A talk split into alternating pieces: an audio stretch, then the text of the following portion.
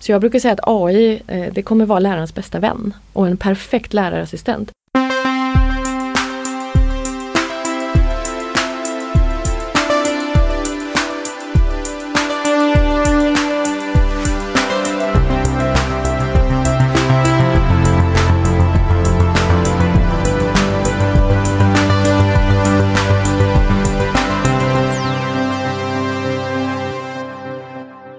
Många menar att skolan och utbildningssystemet är i stort behov av förändring.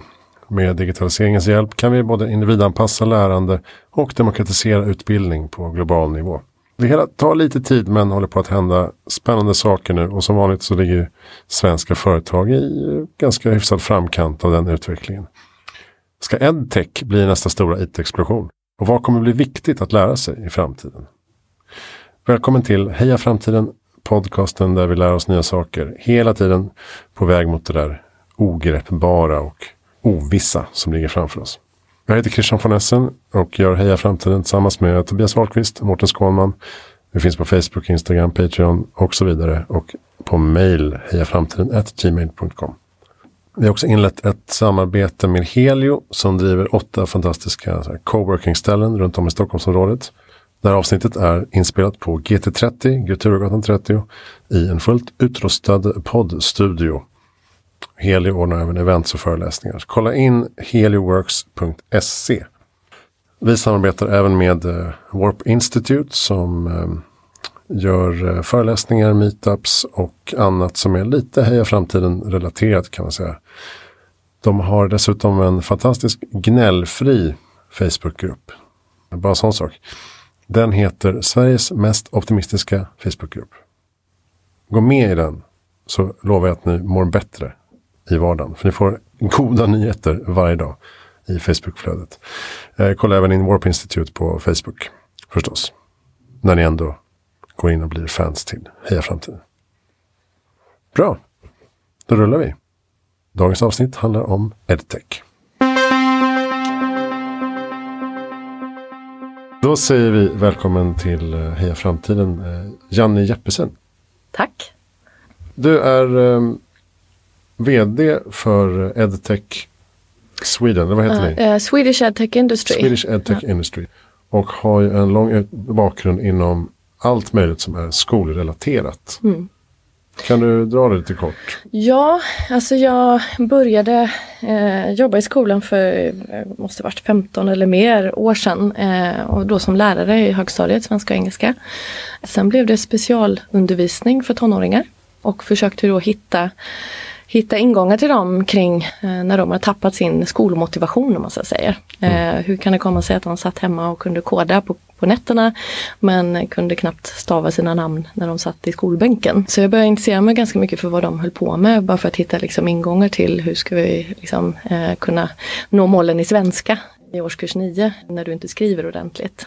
Så jag började intressera mig för vad de gjorde och det var ju spelvärldar och, och den typen av eh, då, väldigt långsamma spelvärldar på den tiden. Eh, och då blev, det, då blev jag naturligt intresserad av eh, de digitala miljöerna som de rörde sig i. Och sen ledde jag väl den typen av eh, liksom, professionsutveckling för lärare eh, kopplat till eh, mediepedagogik som man då kallade det. Mm. Eh, och sen har jag varit rektor ett tag nu då VD på Swedish EdTech Industry och det är en ny branschorganisation för edtech-bolag, alltså educational technology. Så jag har liksom gått över till the dark side, mm -hmm. den här kommersiella. det. Eh, det är så man, man ofta tänker på den. Eh, men jag upplever att jag jobbar lika mycket med skolutveckling idag som jag någonsin har gjort. Ja, verkligen. Vi är här för att prata lite om hur framtidens skola och utbildning kan komma att se ut. Om man sammanfattar då, i ditt jobb eh, med Swedish eh, EdTech Industry och alla de här eh, bolagen som du träffar. Vad skulle du säga är det som håller på att hända de kommande 10-20 åren? Vad jag ser det är väl att även om vi har haft digitala miljöer eller eh, system för administration eller för lärande i 20 år eller mer eh, så ser jag att den teknologiska utvecklingen som nu den högteknologiska utvecklingen kommer att betyda ganska mycket tror jag. Eh, kommer in i en andra generations eh, edtech då, med, där man kommer kunna dra nytta av data på ett helt annat sätt. AI kommer också att förändra befintliga produkter i väldigt hög utsträckning tror jag. Så jag tror att det kommer bli mer seamless det, det, kommer att anpassa sig mycket, eh, mycket mer eh, till eh, varje individ på olika sätt och vis eh, och kommer göra det, eh, kommer öka effekten av lärande helt enkelt. Just det. För oss som har barn då i skolan, jag har ju barn i förskoleklass och i tvåan just nu. Och som vi pratade om sist där, det, det känns ju som att komma tillbaks 30 år i tiden när man går in i ett klassrum fortfarande. För det känns precis som det gjorde i våra klassrum. Ja, och det, det är ju precis det jag menar med att det förändrar sig väldigt långsamt och det finns säkert eh, det finns ju bra anledningar till det också. Man, kan, man ska inte skynda för fort. Det, det handlar om lärande och barns rätt till att eh, säkerställa att de lär sig det de ska och så. Men det är en långsamt eh, liksom föränderlig organisation. Eh, och vi har ju fortfarande bänkarna placerade som i kyrkan och det, det, det, har faktiskt inte hänt så mycket.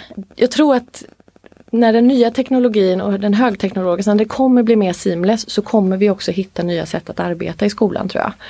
Eh, men det kommer inte gå fort och skolan kommer inte att disruptas eh, på ett sätt som, som vi kanske ser bankvärlden gör eller så. Eh, det, det, tror jag inte kommer hända för att det, eh, det, det är också i, med barn i din, eh, dina barns ålder så, så handlar det om eh, relationer med vuxna. Det är väldigt komplex miljö, utbildning. Lärande är en komplex process. Men runt omkring så finns det väldigt mycket som också ska fungera och det är bland annat eh, omsorg och kontakt och med vuxna och, och så vidare. Så att det är en väldigt komplex eh, marknad om man ska prata det mm. perspektivet. Mm. Eh, och jag brukar kalla den superkomplex. Eh, det är också eh, offentligt finansierad verksamhet som, eh, där utbildning har en superviktig del av att reproducera våra samhällsvärderingar och demokrati och jämställdhet och andra. Och i vissa länder, alltså det ser olika ut i olika länder, men det är ju en reproduktion, en, en viktig reproduktion av vårt samhälles värderingar. Så att den kommer inte att förändras snabbt. Eh, och den kommer nog inte att eh, se jätteannorlunda ut heller om 20-30 eh, år. Det tror inte jag heller. Nej, det tror jag inte. Men, men vad händer då med de bolag som du jobbar med? Som ju springer ganska fort nu vad jag förstår. kommer de liksom attackera det här från sidan? Eller? Jag tror, där är det ju, det, det, det är en sån här om man tittar på innovation till exempel, då är ju den, den måste utgå från behoven. Mm. Annars så skjuter man ju för högt. Eh, och då kommer den inte att eh, liksom adapteras av eh, målgruppen om man har liksom går in från. Eh, och, så att man behöver göra det här i samverkan med lärare och rektorer eller förvaltningar. Eh, och eh, identifiera behov och sen eh, behöver vi titta på lösningar och teknologiska lösningar som kan lösa behoven. Och det där är en ganska långsam process och där tror jag att utbildningsvärlden håller på att mogna där man faktiskt kommer att jobba mycket mer i nära relation med eh, leverantörerna. Och det tror jag kommer behövas för att vi ska ta oss någonstans. Och göra det mer seamless och mer enkelt, lätthanterligt, användarvänligt.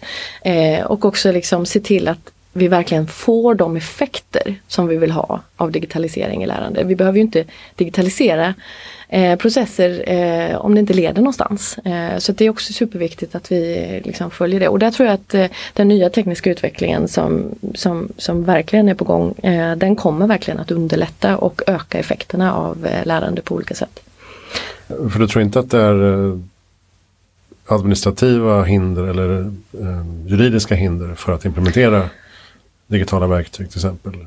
Eh, det finns, eh, det är klart att det, vi har skollagar och annat som liksom reglerar vad barnen eh, och vad skolan är ålagd att göra och säkerställa det. Men jag tror att det, det handlar om att se ekosystemet, att vi har ju allt från liksom tjänster som hanterar e-, e-, elevregister eh, som sen ska eh, eh, kunna kopplas mot schemaläggningssystem och tjänstefördelning och betygshantering, betygsrapportering till SCB, skolskjutsar, interkommunala ersättningar. Alltså allt det här Eh, låter ganska trist. Men superviktiga frågor för att få det att rulla i, i skolan.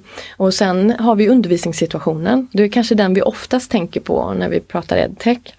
Eh, men där ska det, det ska loggas in, eh, det ska vara kopplat till läromedel, till tekniken ska funka, projektorer ska funka. Så det är väldigt många saker som hela tiden ska ska synka med varann. Mm. Eh, och där håller vi på, där håller branschen på jättestarkt att röra sig mot att verkligen jobba med standarder så att man man kommer att fungera med, med varandra så att det blir mer seamless mellan de här olika systemen som hänger ihop hela vägen ut i klassrummet. Så att säga. Man kanske behöver fler användarcase också för att Ja, och det här tror jag att... eh, exemplifiera. Ja, och sen eh, att eh, jobba tillsammans och utforska och jobba iterativt eh, med, i klassrum med leverantörer som testar och utvecklar och utvärderar och eh, försöker möta, möta upp det. Så det, det, det kommer att hända saker. Sen kommer ny teknologi också att helt plötsligt möjliggöra saker som, vi inte, som inte var möjligt tidigare. Och då tänker jag framförallt på läromedel med, med adaptiva då, alltså läromedel som anpassar sig direkt efter vad, eh, vad eleven har för styrkor och vilka utmaningar eller vilka, vilka moment som eleven inte har fått med sig så att man får tillbaka det till sig själv. Och det är ju liksom en Ja, du har ett klassrum med 30 ungar eh, så kan du som lärare idag eh, redan innan du går in i klassrummet så vet du var de ligger, var de befinner sig. Du vet också, okej okay, men det här är ett område jag behöver ha en genomgång till för det, vi har 70% här som faktiskt inte riktigt har hängt med. Tidigare så kanske man lärare har suttit och rättat i matteböcker och kanske gjort ett prov och då får man, då får man den insikten av, har man hängt med riktigt? Eh, nu, så kan, nu, nu stöttar systemet det här så att man får en mer så här, man, man har koll på det i real time så att säga. Mm. Eh, så att det, det, det tror jag kommer betyda jättemycket för kvaliteten i undervisningen. Jag hörde också en presentation av eh, Sana Labs. Mm. Som väl är det, är ett av våra, ja, det är ett av våra medlemsbolag. Ja, ja. Ja. Det var väldigt intressant för de jobbar med AI mm. eh, inom utbildning och eh, just det du säger att eh, att det anpassar sig efter varje individs mm. prestation. Ja och där mäter de ju också, de, tar, de plockar ju datapunkter från väldigt många studenter eller elever eh, som, som arbetar i samma läromedel. Där de också, där AI ser mönster hos stora grupper av elever och ser, kan också identifiera, lära sig väldigt snabbt var, var eh, du som elev eh, befinner dig kopplat på data hur andra elever i samma läge har Eh, så så att det är liksom en, en ganska avancerad AI eh, som de eh, utvecklar. Just det, och han sa, vdn där, att som jag, som jag tog med mig lite grann, att man utvecklas bäst vid 70% utmaning. Mm. Alltså blir det för lätta frågor då tappar man intresset och eh, gör något annat. Blir det för svårt så tappar man intresset och gör något annat. Så 70% är liksom mm. Ideal. Mm. Den proximala nivå. lärzonen kallar man det. Kan det? Ja, okay. precis. Och det, det, det är ju där är ju um, spelvärlden jättebra på det. Och det, mm. det tror jag också är väldigt, eh, eh, det, det, är en styrka för svensk edtech att vi har, så, så, vi har en sån stark spelbransch, vi är väldigt duktiga på det. Eh, för att eh, spelvärlden, det är ju väldigt många moment man ska träna sig ganska mycket för att kunna få det där svärdet eller de där krafterna eller så. Eh, men där, där, har ju de lagt upp hela designen av de momenten att är det för svårt, då ger man upp, då slutar man spela. Eh, och är det för lätt, då är, blir man uttråkad. Utan där ligger det att ligga, hela tiden utmana och trycka på den. Det är spelvärlden extremt duktiga på i sin design. Mm. Eh, och det är exakt, det, det, har ju med lärande att göra på det sättet. Eh, för många av de där träningsgrejerna inom spelet är ganska repetitiva, svåra eller lite tråkiga grejer kan det vara. Ehm, men om man hittar den här exakta positionen för när man blir mest utmanad och samtidigt känner att jag kan, jag kommer att kunna, mm. bara lite till, bara lite till. Det är där. Det, det, vill, det vill vi ha i matten också. Säg en gång till vad det hette. Eh, den proximala lärzonen. Ja, fint. Eh, därför varje skolklass i princip kan man ju nästan dela in i en sån normalfördelningskurva. Ja, det, vi får inte använda det riktigt Nej, längre. Okay. Det, var när vi, det var när vi gick i skolan. Men, just det, när min mamma gick i skolan så delade de ett betyg enligt den här kurvan. Mm. Så det var tvungen att finnas ja. några ettor. Ja. Fruktansvärt system. Ja. Och några femmor. Och femmorna kunde ta slut också. Ja, Nej, femmorna har tagit slut så du kan inte få en. Eh, men det var, ju ganska, det var ju ganska bra statistiskt för då hade vi ju liksom vi hade en jämnt fördelad kurva över hela landet eh, mm. med betygen så att säga. Okay. Utan det var inte kopplat mot Men det kanske inte hade så mycket med vad, vilka okay, kunskapsnivåer det, man hade. Då utgår från nationella kurvan i så fall. Mm. Men jag, jag, menar för en lärare så är det ju inte sällan så att man har bra koll på majoriteten och sen är det några som är lite för långt fram några som är lite för långt efter. Ja, bara hur du säger det, lite för långt fram. Ja, hur ja. fasiken kan man vara lite för långt fram? Det är också sån här, eh, den är intressant för att eh, det finns ju någonting som heter, eh, eller det finns inte något som, som- men när man säger mattestopp. Eh, Det nästan har blivit ett begrepp eh, och det, det ett, liksom, har funnits ett bra tag. Och det är ju liksom att nej, men, eh, nu har du räknat för långt i matteboken så du får stanna nu. För annars har jag jättesvårt som lärare att säkerställa, alltså jag kan inte jobba med det om du ska få fyrans mattebok och de andra är på trean och jag kanske har någon som har ettans mattebok. Eh, det blir jättesvårt för mig att organisera undervisningen då. Och det här tror jag att den digitala miljön kommer helt plötsligt, att alla elever, det står i, i i, i, läroplanen att alla, och skollagen att alla elever ska utvecklas ut efter sin förmåga. Och det betyder att det finns inget mattestopp. Och, men jag tror att här kan digitaliseringen verkligen stötta upp där. För att om man har adaptiva läromedel och som, som med chattbottar som hjälper eleverna och kanske du vet, händer upp i luften och tre ska ha hjälp samtidigt.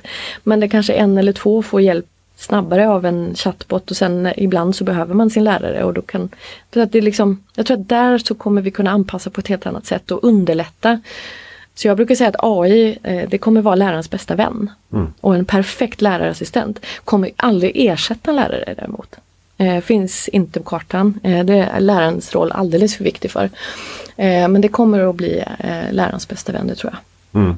Och, det, och det var min poäng lite grann att just för de översta fem, de lägsta fem blir det extra viktigt kanske med eh, det här extra stödet. Mm.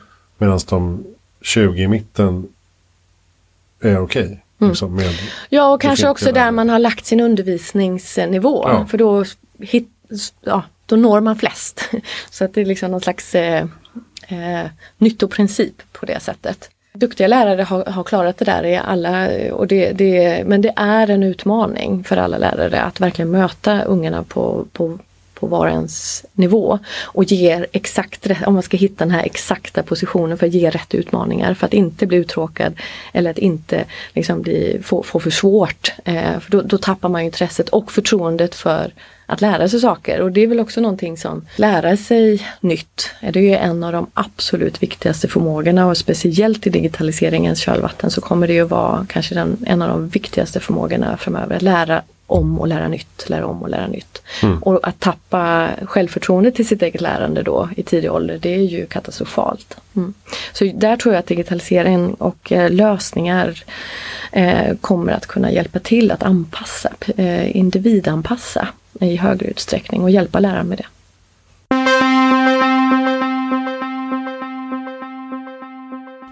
Eh, vi pratade också tidigare om eh, till exempel modersmålsundervisning som också kan eh, demokratiseras mycket bättre. Till exempel i glesbygdsområden. Ja, alltså där har det ju, ja, och där har det ju varit, alltså där har vi ju, nu pratar vi ju då i svensk kontext och Eh, det står att vi alla har rätt till en eh, behörig lärare eh, oavsett vilket ämne det är eh, och att den läraren ska vara fysiskt på plats också. Det finns, det är som ett kvalitetssäkrings, det, det, det är det man har rätt till. Och där blir det ju med modersmål. Jag var rektor på en skola, då hade vi 28 modersmål. Men det var inne i Stockholm så att då hade jag ju resurser med hela Stockholms stads modersmålscentrum där jag kunde beställa och där de hade tillgång till alla de här språken och lärare. Eh, utbildade lärare också. Eh, men om jag är rektor i, i Jokkmokk eh, och har eh, 11 modersmål på min skola, eh, då kommer jag inte kunna hitta behöriga modersmålslärare eh, som ska undervisa 2 gånger 40 minuter eh, för de här barnen respektive. Men där kan ju distansundervisning eller fjärrundervisning som man kallar det nu. Där finns ju det som en möjlighet. Det har tidigare varit eh, förbjudet. Eh, men det har man ändrat på nu och det är väl också det här vanliga att eh, digitaliseringen skjuter, liksom, utvecklingen går så fort och där lagstiftningen släpar lite efter, för det gör den alltid. Men det är ett sånt tydligt exempel där det, det finns ju en enorm nytta med att ha en behörig lärare. Sen om den sitter på en skärm, men den är ju live och med dig på samma vis. Ehm, eh, och då är det kanske bättre att ha en behörig lärare än att inte ha någon alls. Eh, så där, har, där, där, där kommer lagstiftningen men det, det går ju långsammare men det finns ju en del sådana hinder som, eh, som, som jag tror man kommer se över. Distans och fjärrundervisning om vi tittar på eh, vuxenutbildning så finns det också i upphandlingar där att det ska vara max, eh, det kan finnas krav från eh, beställarna att man ska ha minst eh, ja, en, en lärare på 25 elever och har man kanske 30 elever så vinner man inte upphandlingen. För att det, kvaliteten mm. öka, anses öka om man har. Men om man har en blended eh, miljö där man jobbar både digitalt och kopplar på med liksom mobillösningar som gör att vi jobbar på olika sätt och kanske både har fysiska träffar men också jobbar mycket digitalt och blandar det. Då kanske kvalitetsaspekterna på lärarnärvaron ser annorlunda ut än just fysisk utan då är det kvaliteten på andra. Så jag tror att vi kommer att se ett skifte där. Mm. Men är inte överhuvudtaget det där med gruppstorlek lite av en myt? Jo. Att forskning kan inte riktigt visa. Ja, forskning visar att det inte finns. Det finns, inget, eh, det finns ingen effekt i det på det sättet. Det gör inte det. Ja, man, det, är sånt, eh, det är som ett mantra. Liksom. Man, ska, mm. man ska ha så små grupper som möjligt. Ja. Och just på dagens så, så eh, känner jag instinktivt att det kanske inte är det roligaste mm. om man har en jämnårig som man umgås med i tre år. Nej. Kanske bättre om man har lite större grupper där man kanske har fler jämnåriga. Nej men det finns ju, alltså det, effektstudier visar ju att inte gruppstorleken är avgörande utan där handlar det, eh, det handlar ju mer om, om lärarens kompetens och förmåga och men också och vilka förutsättningar läraren har för att bedriva sin undervisning på ett kvalitativt sätt med, med liksom planering och genomförande och uppföljning och så vidare. Så att eh, så ja, jag, jag, tror att eh, det kommer ställa sådana frågor till utbildningssystemets organisation eh, där man kommer kanske se över eh, och förändra vissa reg regler kring det men också kanske framförallt hur man traditionellt har organiserat sig. För det finns ganska mycket, det finns ett jättestort friutrymme. Eh, så man kan verkligen organisera sig på väldigt många olika sätt. Eh, men det kanske också är lite mer hur man traditionellt har lagt upp sin undervisning eller hur man har organiserat sig på skolan eller på universiteten och så. Mm. Jag har väl ungefär 17 ämnen idag i grundskolan. Ja, 17. Mm. Bör vi ha färre i framtiden? Ja, eh, jag tror att eh, själva eh, innehållet i, eh, om vi ska prata om liksom digitalisering och så, så tror jag att eh, den samhällsförändring eh, och den kraft som digitaliseringen skapar i samhället och de, de utmaningar samhället står inför. Eh, så också den teknologiska utvecklingen som verkligen driver på, eh, vad är det vi ska kunna egentligen? De frågorna tror jag kommer behöva ställas till utbildningssystemet och kommer att ställas. Vi har i automatisering och robotiseringens liksom, då kan vi ju se att det finns vissa operationer där datorn är helt överlägsen människan. Eh, och då kanske vi inte ska fokusera så mycket på att eh, göra vissa moment eller eh, träna på vissa saker. Och det finns andra saker som vi kanske ska utveckla och förfina och lägga större vikt vid. Och då kanske ämnena i sig, 17 stycken, eh, är det de här ämnena och innehållet i de ämnena kanske också kommer behöva se lite annorlunda ut. Jag tror eh, på en, att vi kommer se en ökad specialisering inom respektive ämne. Eh, så att man går ner i en djup förståelse kring, eh, kring vissa saker och sen så tror jag att eh, vi kommer se färre ämnen. Det är ju ändå nästan bara utbildningsvärlden som delar upp livet eller hela världen i ämnen. Mm. Eh, allting flyter ju liksom. Utan jag tror att vi kommer att se frågor som hållbarhet som vi redan ser i läroplanen, men hållbarhetsfrågor, eh, eh, etik, filosofi. etik tror jag kommer att bli superviktig, mm. mänsklig egenskap som, som kommer behöva genomsyra alla beslut vi fattar och hur vi vill stifta våra lagar och hur vi vill leva, hur vi vill att våra samhällen ska se ut. Så jag tror att vi kommer behöva jag var på KTH idag. Eh, jag blev glad varje gång jag ser den här skylten för det är liksom lite det här bildning, för vi pratar om det, vad är bildning egentligen? För det mm. blir ju det som skolan egentligen ska representera. Eh, och vad blir bildning idag och vad är det om 20 år? Eh, och på KTH så, deras tagline om man får säga så, det är konst och vetenskap. Mm. Det. är ju det. Jag tror inte det har varit så himla mycket konst på KTH de senaste så, men egentligen, jag går tillbaka till Leonardo da Vinci, han var konstnär men han var vetenskapsman. Alltså här, här, den delen och det är innovation. Mm. Men det är också ett utforskande av män, liksom de sköna konsterna. Och, och det egentligen handlar om att vara människa. Jag, jag, tycker att konst och vetenskap tycker jag är en bra eh, tagline mm. för framtiden. Oh!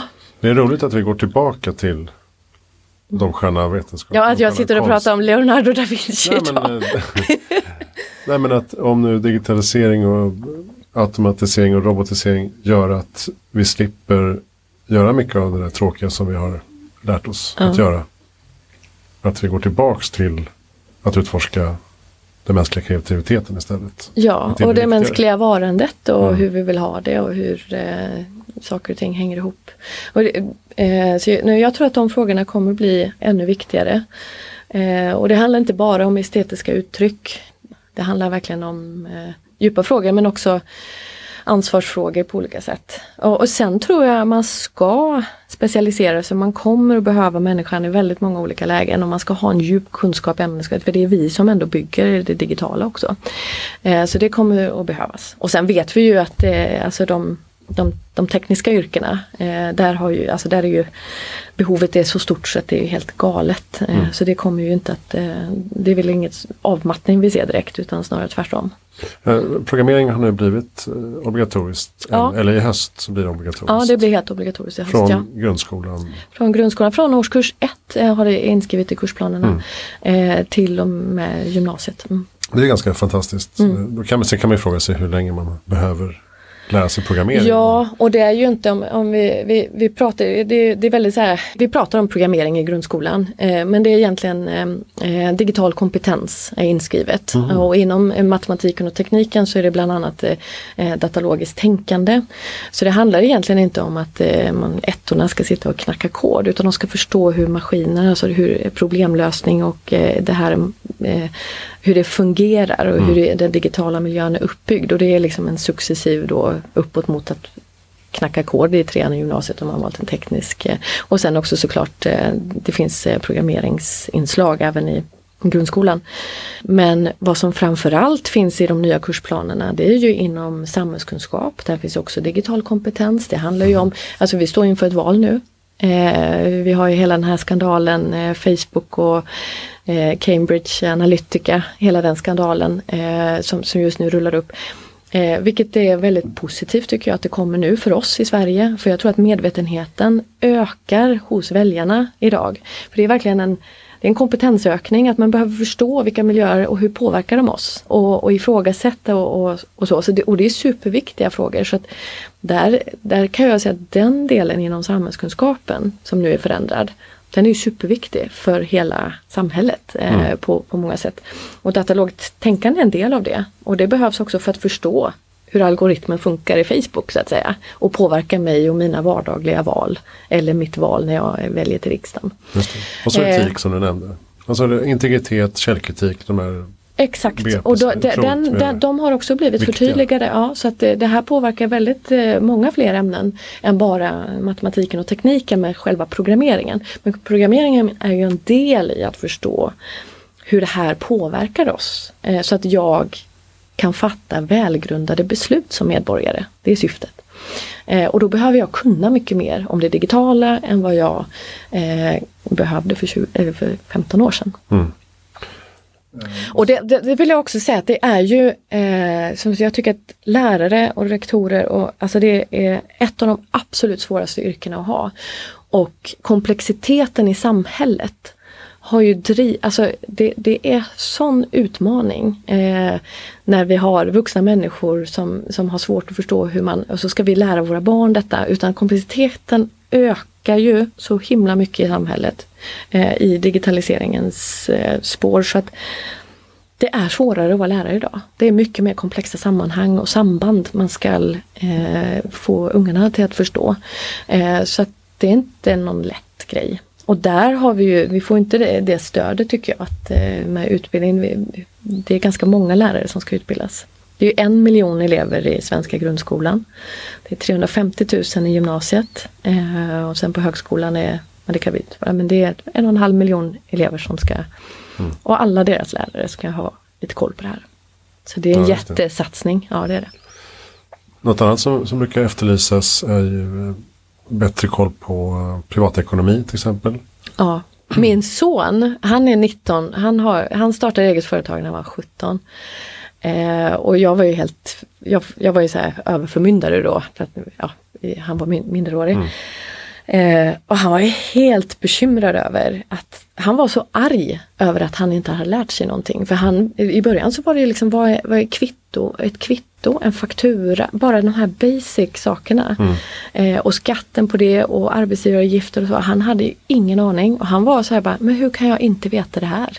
Jag har gått, jag har haft hyfsade betyg, gått grundskolan, nästan klar med gymnasiet. Jag har ingen aning. Jag visste Nej. inte ens.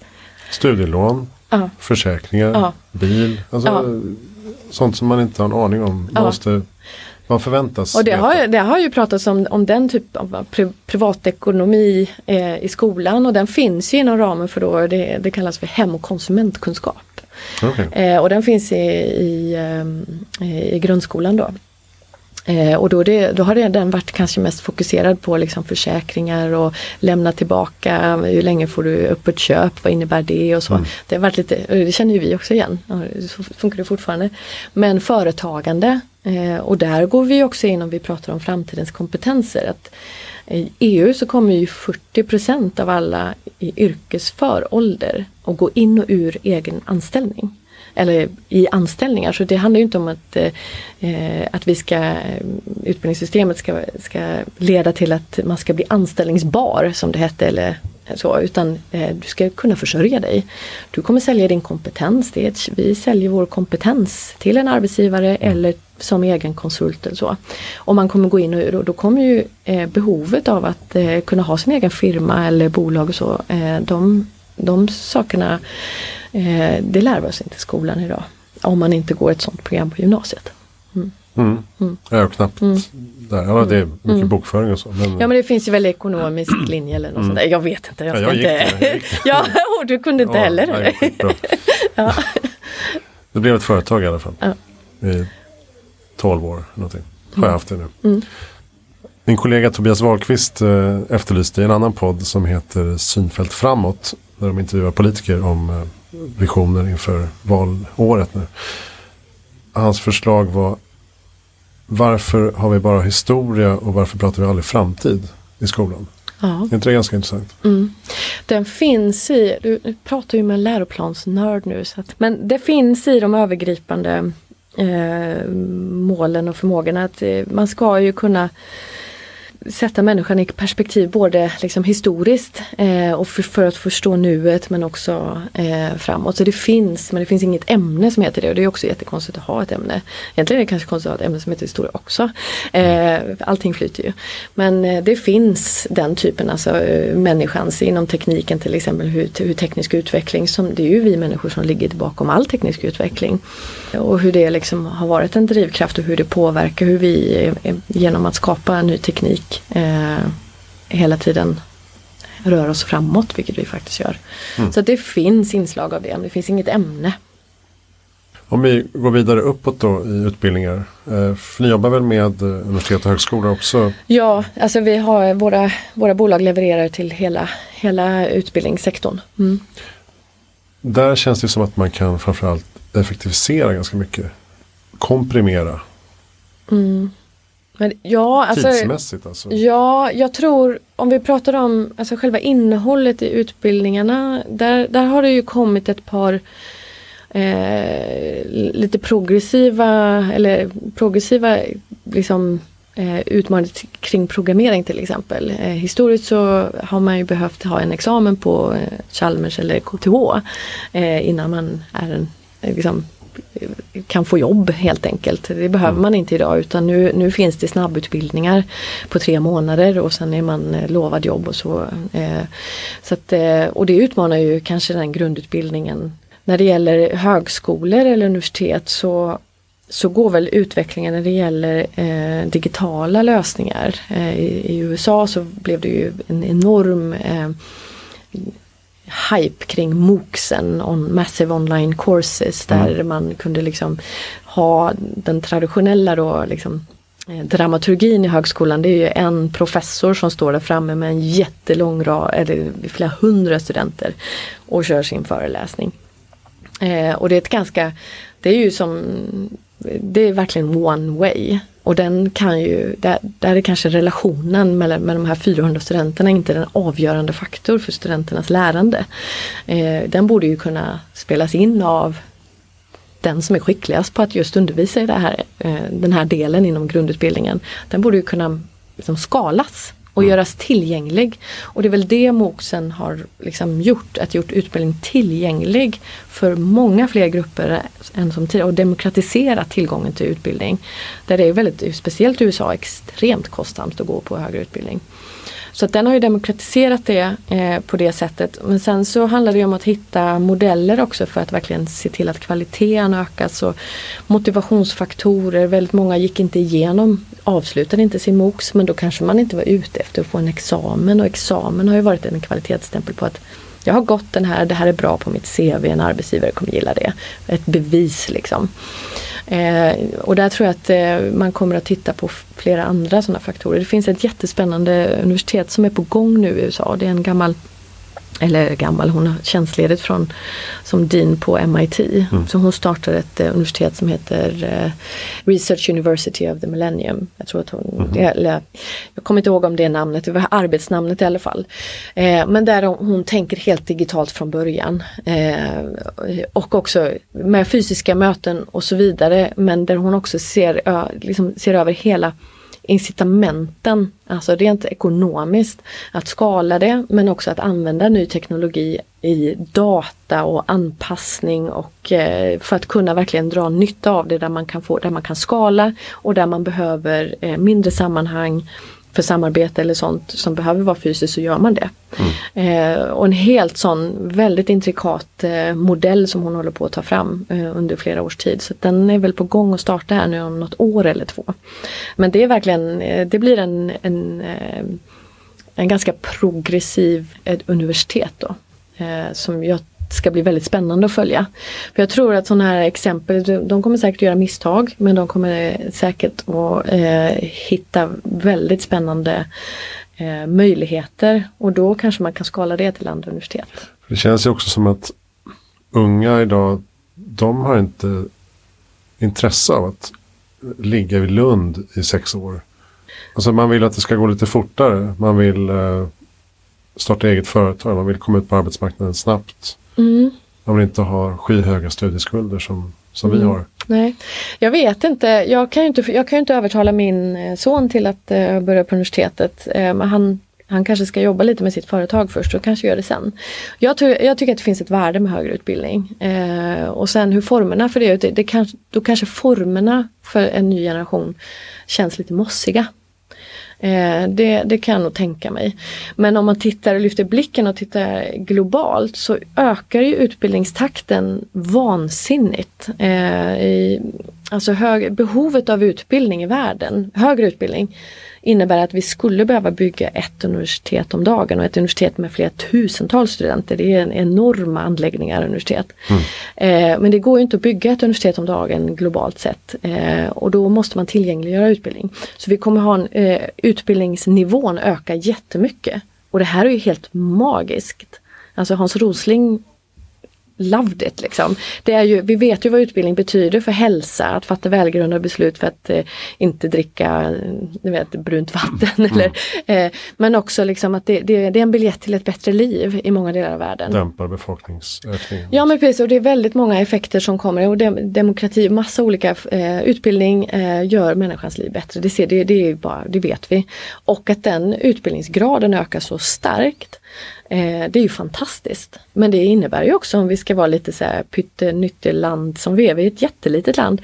Då blir ju konkurrens, alltså, konkurrens, vår konkurrenskraft om den också hänger ihop med kompetens och utbildningens roll för kompetens så, eh, så kanske det är eh, en, en utmaning för oss. Eh, samtidigt så ser vi i andra delar av världen eh, som i Kina eh, eh där där de kanske är väldigt bra på eh, grit eller lä vet, lära sig och bara plugga, plugga, plugga och få jättehöga resultat. Men de kanske inte har en entreprenörskraft eh, där kreativitet, samarbete, många av de faktorerna som spelar roll i innovation. Eh, där de ser, det är det de faktiskt styr om sina läroplaner till. För att de ser att det här kommer vara, det är det som kommer vara vår konkurrenskraft i kombination med en stark kunskapsbas. Liksom. Och där är vi väldigt duktiga, där vår kunskapsbas och våra liksom, PISA-resultaten och så, där vi, där vi kanske, där jag tror att vi skulle kunna lära varandra. För vi är väldigt bra på de här delarna som vi har haft i, i vår skola i, i, i 15, 20, sen 94 läroplan minst. 89 mm. hade vi eh, samma tvär, tvär eh, ämnesövergripande arbeten och, och så vidare. Så vi har varit väldigt bra på det. Eh, och man kallar det soft skills internationellt. Det är vi svenskar väldigt bra på i vårt utbildningssystem.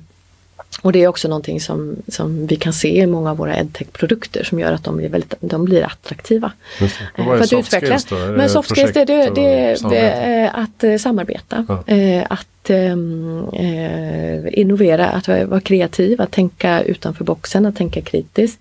Eh, men också skapa. Eh, entreprenörskap. Att ha entreprenörskraft, att våga testa, prova, göra fel. Men också våga ta sin idé hela vägen och ta de riskerna. Och där har vi ju, om man då jämför med Kina, då, då kanske man, de som har historiskt, där har ju föräldrarna legat bakom och betalat eh, både farföräldrar och morföräldrar det enda barnets utbildning mm. som varit väldigt, väldigt dyrt. Med stark förväntad krav kulturellt på att du ska bli läkare eller advokat.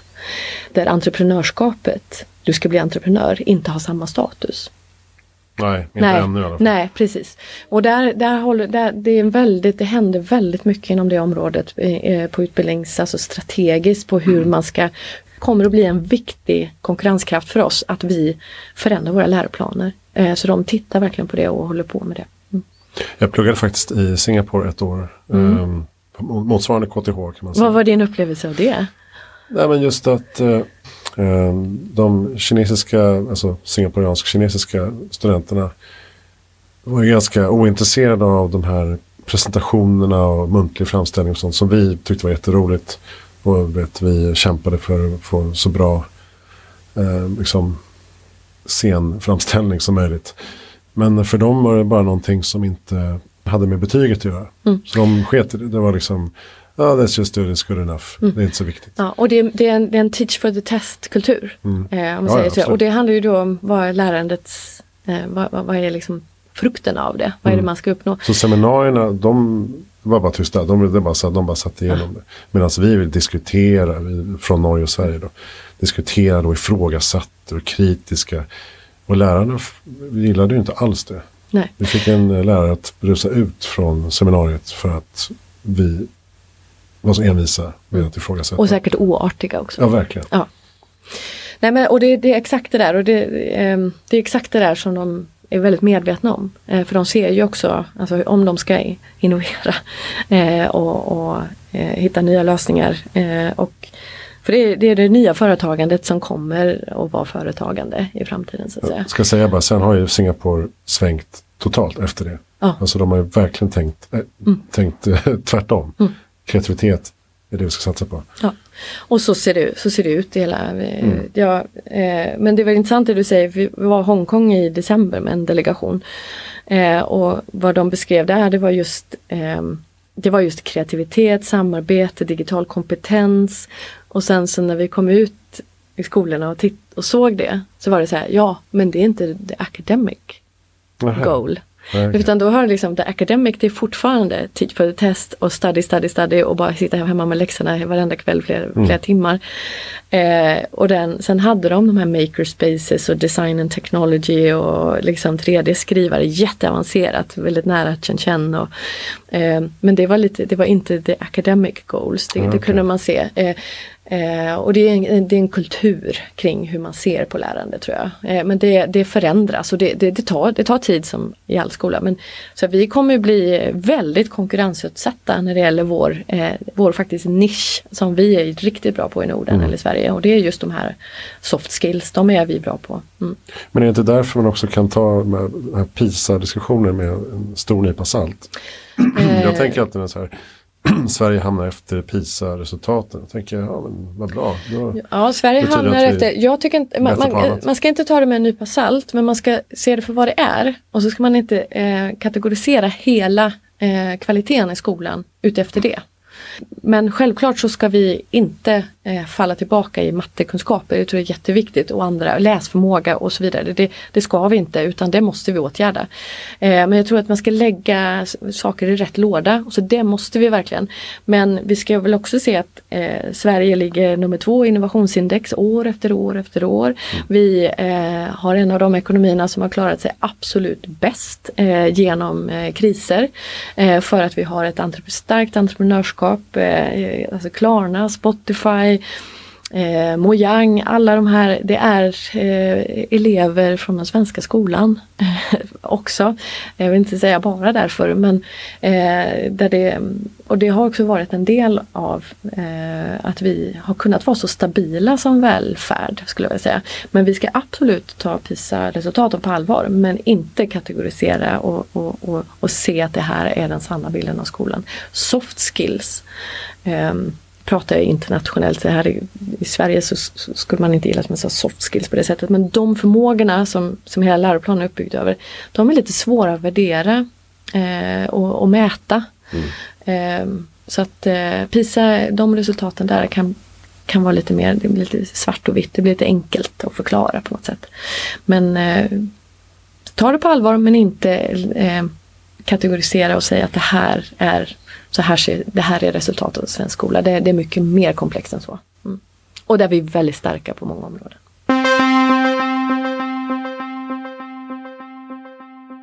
Vi ska gå in lite närmare på framtidsspaningar. Eh, tänkte jag. Typ, vi pratade tidigare när vi hördes vid om eh, hur blockkedjan kommer in i utbildningsvärlden. Vad, vad ser du där framför dig? Ja, alltså det, det är inte jag som ser det men vad, vad man pratar om och vad man tittar mycket på det är just eh, blockkedjan som liksom ens egna arkiv över eh, de utbildningar. Det kan vara formell utbildning men det kan också vara informell kompetens, eh, arbetslivserfarenhet eller annan typ av eh, informell kompetens som man har förvärvat på olika sätt som, som på något sätt liksom där man tillgängliggör det för när man har lust med det. Eh, och eh, där kanske om vi tittar på universiteten, alltså LADOK i Sverige där vi, det, där alla våra högskolepoäng går in och där får vi vårt examensbevis ifrån och så. Kanske är det så att det är vi själva som individer som kommer bära den med oss och göra den tillgänglig när vi själva har lust eller vill. Så, eh, så att eh, det, det, finns många sådana olika moment på det och där kan man ju se att formell utbildning och informell utbildning, det finns viss, vissa erfarenheter som också man pratar väldigt mycket om, det är just validering av kunskaper. Eh, vi har ju lagt väldigt stor vikt vid att en examen det är ett kvalitetsbevis, då har vi säkerställt att du har uppnått de här kunskaperna och det är det ju. Eh, men det finns ju också andra kunskaper och kompetenser som förvärvas på andra sätt, eh, som kanske är lite mer luddiga än en examen eh, som man kan visa där man kan validera det och då få ersättning i form av kanske högskolepoäng eller annat, andra eh, system som gör att man kanske kan komma in och snabba på en utbildning genom att man kan visa på att ja men du har den här arbetslivserfarenheten, du har de här kunskaperna eh, som vi har i den här utbildningen så de behöver inte du göra igen. Men vi har redan sett det, vi har bekräftat det och vi har validerat det. det. Och då tar du de sista för en examen. Det är ju ett sätt att verkligen matcha så att man inte ska gå in och, och, sätta sig i skolbänken med saker man redan, alltså just det här att det blir för tråkigt och tar för lång tid. Eh, så det, det finns ett sådant universitet i, på Nya Zeeland till exempel som just specialiserar sig på det. Tar in eh, eh, eh underlag eh, och gör tester och, och, och sen vi validerar dig hit. Eh, vill du ha den här examen så behöver du en, en kurs, kursplan som ser ut på det här sättet. Det kan vi tillhandahålla. Eh, och då kan vi ge dig en examen, då är det på högskolenivå. Ja. Mm. Just det, för det är en ganska knepig process annars. Ja, och det är, och det, är det, det är det där också. Men i högskolan, där, där är det ju kursplanerna. Nu i EU då har vi ju Bologna-processen så det finns ju väldigt reglerat och så. Men det finns ju också någon typ av eh, eh, ja, nationella standarder säkert. Mm. Men vad ser du framför dig då på edtech-fronten här? Vilken, vilken roll ska liksom Sverige ta? Var, eh, var befinner vi oss någonstans ja, alltså branschmässigt? Ed, ja, edtech, alltså bara utifrån var Sverige då befinner sig så måste vi också prata om lite var edtech befinner sig i världen. Ja. Och eh, som jag sa tidigare så ökar ju utbildningsnivån dramatiskt. Eh, och vi kan inte i världen tillhandahålla skolor, lärare och läroböcker åt alla. Det, det är det som är bristvara. Men eh, digitalisering Eh, där ser vi jättemycket som händer i sydöstra Asien, söder om Sahara, där de har mobiler och tillgång till och där väldigt mycket lösningar nu bara exploderar. Eh, MOOCs i Kina, 3,5 miljoner studenter på ett digitalt universitet. Eh, man tillgängliggör utbildning för väldigt många och det är ju digitaliseringen en av de stora möjligheterna att verkligen tillgängliggöra eh, utbildning. Eh, så att marknaden exploderar och det är en av de fem snabbaste marknaderna i världen. Den är ju större än fintech globalt. Mm. Eh, och vi, hemma i Sverige så är fintech enormt och alla investeringar går dit. Men globalt sett så är det ju just utbildning. Det är en jättesektor. Och den svenska edtechen, där ser jag att vi är väldigt bra på att effektivisera processer som har med utbildningssystemet att göra. Det är frånvarohantering och allt det där som, som har att göra med runt omkring eh, eh, verksamheten runt okay. lärandet. Mm. Eh, där ser man ju i många andra länder att där är ju väldigt många av de här operationerna väldigt analoga som egentligen skulle kunna effektiviseras enormt med, med digitala system. Eh, där är Sverige väldigt bra. Sen är vi, har vi också de här eh, de här delarna när det gäller lärande, att vi eh, är bra på de här soft skills, att vi har ett ganska, som, som i techvärlden då, user-centered perspective, liksom när vi mm. bygger saker. Eh, och det är ju exakt student-centered perspective, det är ju samma sak. Eh, vi har det också även pedagogiskt i liksom vårt skol DNA på något sätt. Eh, och det är verkligen, det, det, tror jag är en sån fördel eh internationellt och det är också det man tittar på eh, när man är intresserad av svensk edtech så är det just de här, eh, de här delarna. Mm. Det finns ju några exempel här som, som jag hittat. Eh, vi pratade bland annat om Lexplore. Ja, det är ett fantastiskt bolag. Ja, mm. Ska jag beskriva vad det är för någonting? Ja, det, ja för det är ju, eh, det, det, det är ju eh, forskning eh, från Karolinska institutet kring liksom, vad är det som händer i hjärnan eh, vid läs och skrivsvårigheter eller den typen av kognitiva utmaningar. Eh, så det är en, en sån forskning eh, kopplar ihop då med svensk teknologi, Tobii Eye Tracking Technology. Eh, där, eh, där man då har liksom byggt ett verktyg som med hjälp av ögonrörelser mäter av eh, på två och en halv minut när barn sitter vid en skärm och läser text och på två och en halv minut så kan man med 95 eller 97% säkerhet eh, identifiera eh, risk för dyslexi eller läs och skrivsvårigheter. Mm. Eh, och bara tanken att man gör det med alla sexåringar när de börjar förskoleklass eller årskurs 1 eh, och hittar alla med en gång och kan sätta in tidiga insatser. Det ger enorm eh, effekt eftersom tidiga insatser är avgörande för att få en god läs och skrivförmåga. För det kan alla få. Men då behöver man det stöd man också har rätt till. Och idag så upptäcker man ju de här barnen. Jag tror att det är 45 procent som upptäcks efter 12 års ålder. Och då är, inte, då är det inte tidiga insatser längre. Men om man gör det och det tar två och en halv minut per barn att göra det. Så tar det en timme att scanna av en klass. Mm det, det är en, en, eh, tycker jag, en revolutionerande eh, lösning för, att, för tidig upptäckt. Så att man kan sätta in de insatser som, som ungarna, så på individnivå är det en jättevinst. Men också på samhällelig nivå.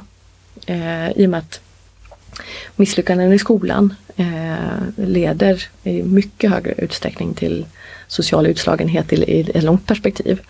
Eh, så att, eh, det tycker jag är en, ett, ett jättebra exempel på, på svensk edtech. Högteknologisk, forskningsbaserat och en väldigt stark nytta. Mm. Eh, så. Mm. Kolla in lexplore.se. Sen har vi något som heter Cognity som gör interaktiva Ja, det är, ett, det är ett spännande bolag för de opererar de finns knappt i Sverige. Eh, så de, men de finns på, jag tror att det är 70 marknader och sånt där. Eh, och eh, har just en plattform med, med läromedel. Eh, det är kopplat till engelskspråkiga skolor då runt om i världen. Det är bara IB-programmet du jobbar med? Ja, IB-programmet. Kanske något globalt annat. Ja, standardiserat. Ja, precis. Eh, IB-programmet, jag tror att det är ett annat ICSG eller något sånt där också. Eh, men där de just mäter och gör den här anpassar efter eleverna och hjälper läraren att analysera var befinner sig min, min studiegrupp någonstans. Och hur ska jag anpassa min undervisning och, och se till det. Så att, där är, de kallar det någon sån intelligenta textbooks eller något sånt där. Men det är en plattform där det finns eh, den typen av läromedel. Och det, det är lite det är ett snabbväxande bolag som är väldigt hemliga här i Sverige. Just eftersom de eh, har fokuserat på eh, en internationell marknad. Så det är en sån här liten bubblare. Mm. Eh, som vi, jag tror vi kommer få höra mer av i Sverige, mest på grund av att de eh, har sina framgångar utomlands. Just det, men, eh, och de börjar ju med IB-programmet. Mm. IGCSE heter det. Ja, det är också något sånt här internationellt. Och sen är det klart att de vill ta fler, mm. fler branscher, eller vad säger jag, fler marknader. Ja, det är helt säkert så. Jag, jag tror eh, att det finns just den här typen av system med, med det där uppbyggda. Det, det borde kunna eh, skalas eh, till flera eh, skolformer. Så att mm. säga. Mm. Cognitive.com har vi där. Sen har vi Strawbees som ju började med sådana här sugrörsmoduler. Mm. Som, eh, är det edtech egentligen? Har ja, ju folk precis. frågat mig. Men eh, det, det, den är ju, Strawbees är ett eh, som de utforskar eh, möjligheter att eh, gränslandet mellan eh, lek och lärande. Eh, och lek är ju, det vet alla som jobbar i förskolan, att det är en av de absolut viktigaste för, för, för att lära sig. Det är att mm. leka, det är så man lär sig. Eh, det tror jag vi vuxna gör också, vi lär oss när vi leker. Eh, så. Eh, men där eh, kopplar de då sugrör och bygga strukturer och eh, skapa olika saker. Men där de sen också då har kopplat på vad de kallar för Quirkbot som är en liten ja, programmeringsplatta helt enkelt. Det är en liten minirobot mm. som man programmerar och då kan man få sina strukturer som man också bygger på sugrören på eller på andra. Man kan göra det med stolar och koppar eller vad möjligt så. Så att, där man kan liksom programmera den till att göra vad man vill om det ska vara diskoljus eller olika liksom, saker som programmering ska leda till. Så Det är också en eh, där de har handledningar kopplat till öva kreativitet men också kopplat till eh, det datalogiska tänkandet och eh, programmering. Så att den är ju i gränslandet, den blir ju edtech i det skedet. Mm. Mm, så att den, den kopplar det fysiska och det digitala, den kopplar ihop den en konstruktion. konstruktion liksom eh, så att den gör eh, programmering väldigt så här, tydlig. Eh, så att, eh, och de har ju det var ju en skräll här för några månader sedan. De fick ju kontrakt med alla Thailands skolor. Eh, så de kommer leverera det här till alla Thailands skolor. Det är jätte, jätteland. Är det ju. 30 000 skolor. Ja, oj. Ja. Det är jättestort. Så det, och det, de håller också på att smälla till ordentligt ut i världen. Eh, och det är just också kopplat till de förmågor som alla läroplaner runt om i världen håller på att gå mot. Det är kreativitet, innovation, det är digital kompetens. Där. Så det, det, är en perfekt produkt på det sättet. Just det. Mm, mm. Och det, man kan använda det för vilka åldrar som helst också. Mm. Ja, den kan användas i vilken ålder som helst och eh, den kan användas för vuxna eller för förskolan. Eh, men den är också utifrån marknadsperspektiv så är helt skalbar. Den är inte läroplansberoende. Varje handledning måste tas fram eller nationellt kopplat till så. Mm. Men själva produkten som egentligen är hårdvara, eh, den delen är ju skalbar. Eh, den kan ju säljas i vilket land som helst på det sättet. Där har vi ju som läromedel, där har vi i Sverige, då, i historia ska vi det är så här vi ska lära oss, ja, det. ja, det här innehållet. Så där måste man anpassa väldigt hög grad nationellt. Och så finns det vissa produkter som inte behöver den här anpassningen. Lexplore är en sån som inte behöver den anpassningen på samma mm. sätt. Mm. Sen har vi den här IR som inte är medlem hos er. Mm. De jobbar ju med eh, professional development och liksom eh, workforce kompetenslifting typ. Eh, alltså vuxnas lärande, vuxna som befinner sig kanske i, redan i yrkesutövning, corporate education eller professional development. Kompetensutveckling som vi säger på svenska. Eh, så de jobbar mycket inom det fältet. Jag vet inte riktigt om de har kommit igång med sin verksamhet än. Jag tror de är ganska nya. Jag har haft de, kontakt med dem. De eh, crowdfundar på Funded by Me i alla fall. Ja. Så att, eh, och jag vet ju, jag pratade med Business Sweden i Indien eh, förra veckan eh, och där sa de att det är en av deras absolut viktigaste, mest prioriterade områden strategiskt.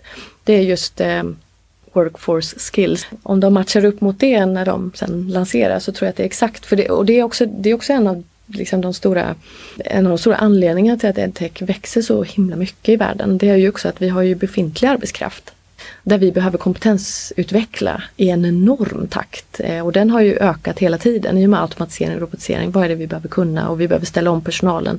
Så att den typen av eh, edtech-lösningar som vänder sig mot eh, kompetensutveckling av personal och så vidare. Där, där växer ju marknaden enormt och det är också den i USA så det är den delen som bekostar eh, MOOCsen. Eh, mm. Där, då, där AT&T till exempel eh, har köpt en lösning på Udacity eh, för att eh, säkerställa att personalen på AT&T går och lär sig online ett, flera timmar i veckan måste de göra det med helt anpassade kurser kopplade till företagets kompetensbehov.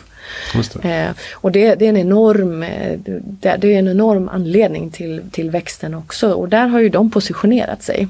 Så det ska bli spännande att följa när de kickar igång ordentligt. Mm. Ja, de är kaxiga. De säger att de ska bli unicorn och så vidare. Ja. Störst i världen. Det säger nästan alla startups. ja, precis. Det är liksom grundförutsättningen. Ja. Annars har man ja. ingen ambition. Men jag tror att vi blir bortskämda i Sverige. Det har liksom varit så nåbart. Man kan se Daniel Ek runt på, på gatan. Liksom. Mm. Eh, så att, eh, ja. Men jag tror att det, det är väl en entreprenörs eh, mindset som man eh, behöver ha kanske. Men eh, vad ser du mest fram emot då i den här, det här ekosystemet? Framåt? Mm. Eh, alltså jag tycker att det är fantastiskt med den eh, internationella utvecklingen vi ser med utbildning. Det, man blir bara glad Eh, av att den har tillgängliggjort så mycket.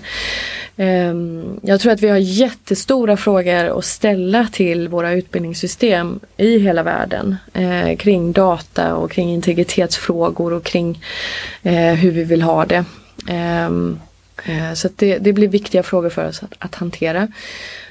Men sen så tror jag att det blir sunt att gå in i ett nytt eh, skede av att börja titta och kanske på att ställa nya spännande frågor till utbildningssystemet. Hur vill vi ha det? Varför, vad är det vi behöver som samhälle? Eh, och börja titta på, alltså om vi har, vi har teknologisk utveckling som driver ju samhället framåt så vad betyder en eh, vad betyder en eh, språkkurs på universitetet eller en examen i ett eh, visst språk? Vad, betyder, vad, vad, ska den innehålla när vi kan, när vi kan stoppa in en plupp i örat och, och prata med varandra live direkt eh, o, o, på, även om vi inte kan samma språk. Mm. Eh, och den tekniska utvecklingen, vad kommer den att ställa för frågor till? Vad är det vi ska lära oss? Och, och då tror jag att många av de frågorna kommer att besvaras av att det kanske finns värden inbyggda i språket som eh, som inte är översättningsbara och som vi kanske, det finns värden som vi vill bevara och då ska vi göra det. Men att ställa intressanta frågor och vara medveten om eh, de här sakerna. Att inte bara göra saker för att så har vi gjort eller det här är ett viktigt ämne eller så. Utan mm. att titta på delarna i ämnet och se hur, hur, hur, hur ska vi tolka de här sakerna idag? Det ser jag fram emot och det tycker jag ska bli väldigt spännande. Och där tror jag att vi, vi kommer att se eh, både floppar och eh, framgångsberättelser eh, liksom eh, från olika delar av världen kring de här. Jag tycker att det är intressant med södra delen av eh, Afrika då som är den som har haft en jättelåg utbildningsgrad. Jag tror att man har för tio år sedan så var snitt eh, var fyra år. Alltså mm. det, det är väldigt låg eh, så. och idag är den uppe på 8-9. Det har gått jättesnabbt. och vilket innebär att fler flyger upp i högre utbildning eller gymnasienivå sådär. och där man kanske har hoppat över man kan kalla det i Afrika säger man ofta Mobile First eller Sydostasien, men Mobile First att man har inte haft tillgång till skolhus och lokaler bara, eller lärare ens en gång. Men mm. att det kanske det, det, finns andra lösningar. Eh, och vad det innebär. Det kanske kommer att visa sig i ett senare skede att det här fick de här effekterna. Det är också lång, långa processer. Lärande är ju långa processer. Som är svårt att utvärdera med liksom betyg eller här. Utan det är liksom en lång, vad kommer det här innebära för de delarna av världen om tio år? Eh, mm. Vilka fördelar har det, har det varit och vilka nackdelar jämfört med ja, traditionell skolning. Eller så att säga. Så att det, ja, det ska bli väldigt spännande för er. Så vi behöver veta mer, vi behöver undersöka och forska och följa och ställa nyfikna frågor. För det kommer hända så mycket. Jag ser också fram emot att, att man kan paketera sin egen utbildningskompetens på ett mer individuellt sätt. Alltså, mm. Om jag går i gymnasiet och jätteintresserad av programmering då kommer jag hinna göra färdigt tre mm. avancerade programmeringskurser bara för att jag sitter på mobilen och det är ja, mitt stora intresse. och det är väl också det som vi, om vi pratar om de här reglerna som är väldigt långsamma strukturer med lagar, att, eh, som timplanen. Det finns ju en, det är så här, så här många minuter matte ska du ha. Alltså mm. på minutnivå är det angett på varenda ämne. Och det är för att säkerställa att alla har rätt till utbildning. Det är ju ett sätt att göra det. Men samtidigt så är den kopplad mot att eh, vi ska nå, vi ska förstå det här. Och om du kan programmera i ettan i gymnasiet och kan ha nått dit och din eh, klasskompis är där i trean, då var det perfekt anpassat för honom eller henne. Men timplanen strider ju mot själva kunskapssynen. Ja, jag tänker hobby Ja just det, ja, ja men precis hobbymässigt. Ja just det, men där har vi också, men det är också dels att vi har strukturer kring sen vad är kvalitet och hur mm. når vi dit och så. Men, ja men hobbyutbildning och där tror jag att där har vi ju jättemycket, men jag har hört någon siffra, någon som säger det lite, eh, tycker det är lite kul. Eh, säger att men 70% av allt lärande sker ju utanför skolan. Mm. Eh, om man tar utanför utbildningssystemet. Eh, och jag tror att när man kommer till en ny arbetsplats, eh, om man kommer direkt från universitetet så tror jag att eh, det året är kanske det, det året man lär sig absolut mest och kan omsätta kanske kunskaper man haft men i praktiken. Så, mm, så att eh, lärande på arbetsplatser, i privatlivet, på fritiden, de informella delarna tror jag kommer att bli jag skulle säga att den största edtech-produkten vi har i världen det är Youtube. Mm. Alltså som verkligen, det är en plattform som inte är tänkt att användas i utbildningssyfte. Men den verkligen har, alltså eh, människor delar med sig om så här knyter du en slips eh, till så här lagar du en pannkaka eller vad som helst. Eh, GitHub är också en, en, på det sättet en samarbetsyta. Så jag tror att det är ju informella platser men på de här platserna där lär vi oss ju fantastiskt mycket. Men det, vi har ingen så här, så här, nu är du utbildad stämpel. Men det tror jag att där kommer vi se modeller för hur vi kan värdera det. Och det finns också en svensk lösning för det som heter SCORE. Mm. Eh, och de tittar på, de, de har gamifierat så här, antagningsprocesser till högskolor runt om, universitet runt om i hela världen. Men också rekrytering till, eh, för arbetsgivare det är deras tjänst, liksom, att dels rekrytera studenter till universitet eh, eller eh, rekrytera eh, arbetskraft för arbetsgivare. Där man som arbetsgivare kan säga, ja men jag söker någon som har de här förmågorna. Eh, och eh, om det är utbildat eller inte spelar ingen roll, jag vill se att förmågorna finns där. Och så anpassar SCORE liksom ett program så där, där studenten testar sig och med spelifierat, gamification. Där man testar och där man då får poäng, scores, det är därför de heter vad de heter. Mm. Eh, där man också kan se liksom, alltså, vilka kandidater uppvisar faktiskt att de har de här snabbhet inom, ja, det kan vara programmering kan jag tänka mig. Eh, alla möjliga olika förmågor som, som mäts då. Och det är ett helt annat sätt att anta någon till ett universitet. Eller att eh, rekrytera och säkerställa att vi har den förmågan som, som vi behöver. Eh, och det, den frångår ju eh, de klassiska eh, högskoleexamina högskoleexamena till exempel. Eller annat. Så att, ehm, det, det är en intressant sån. Och de, är ju också, de växer ju så det knakar och de har ju kunder i hela världen. Både universitet och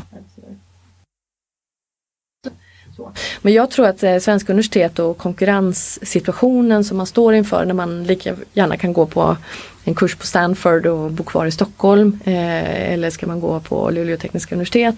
Så jag tror att konkurrenssituationen kommer att eh, öka medvetenheten kring de här sakerna. Mm. Mm.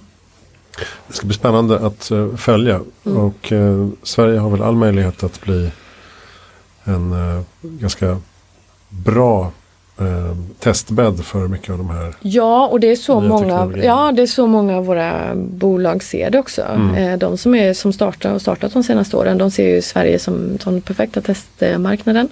Eh, Men alla tänker eh, globalt för vi är en liten marknad. Eh, Så att, eh, och jag tror att, och det har vi redan sett, vi har flera exempel nu som verkligen är eh, ute i världen. Och vi kommer se mer sånt. Spännande. Mm. Vem tycker du att vi ska intervjua i Heja Framtiden? eh, min idol, Darja Isaksson.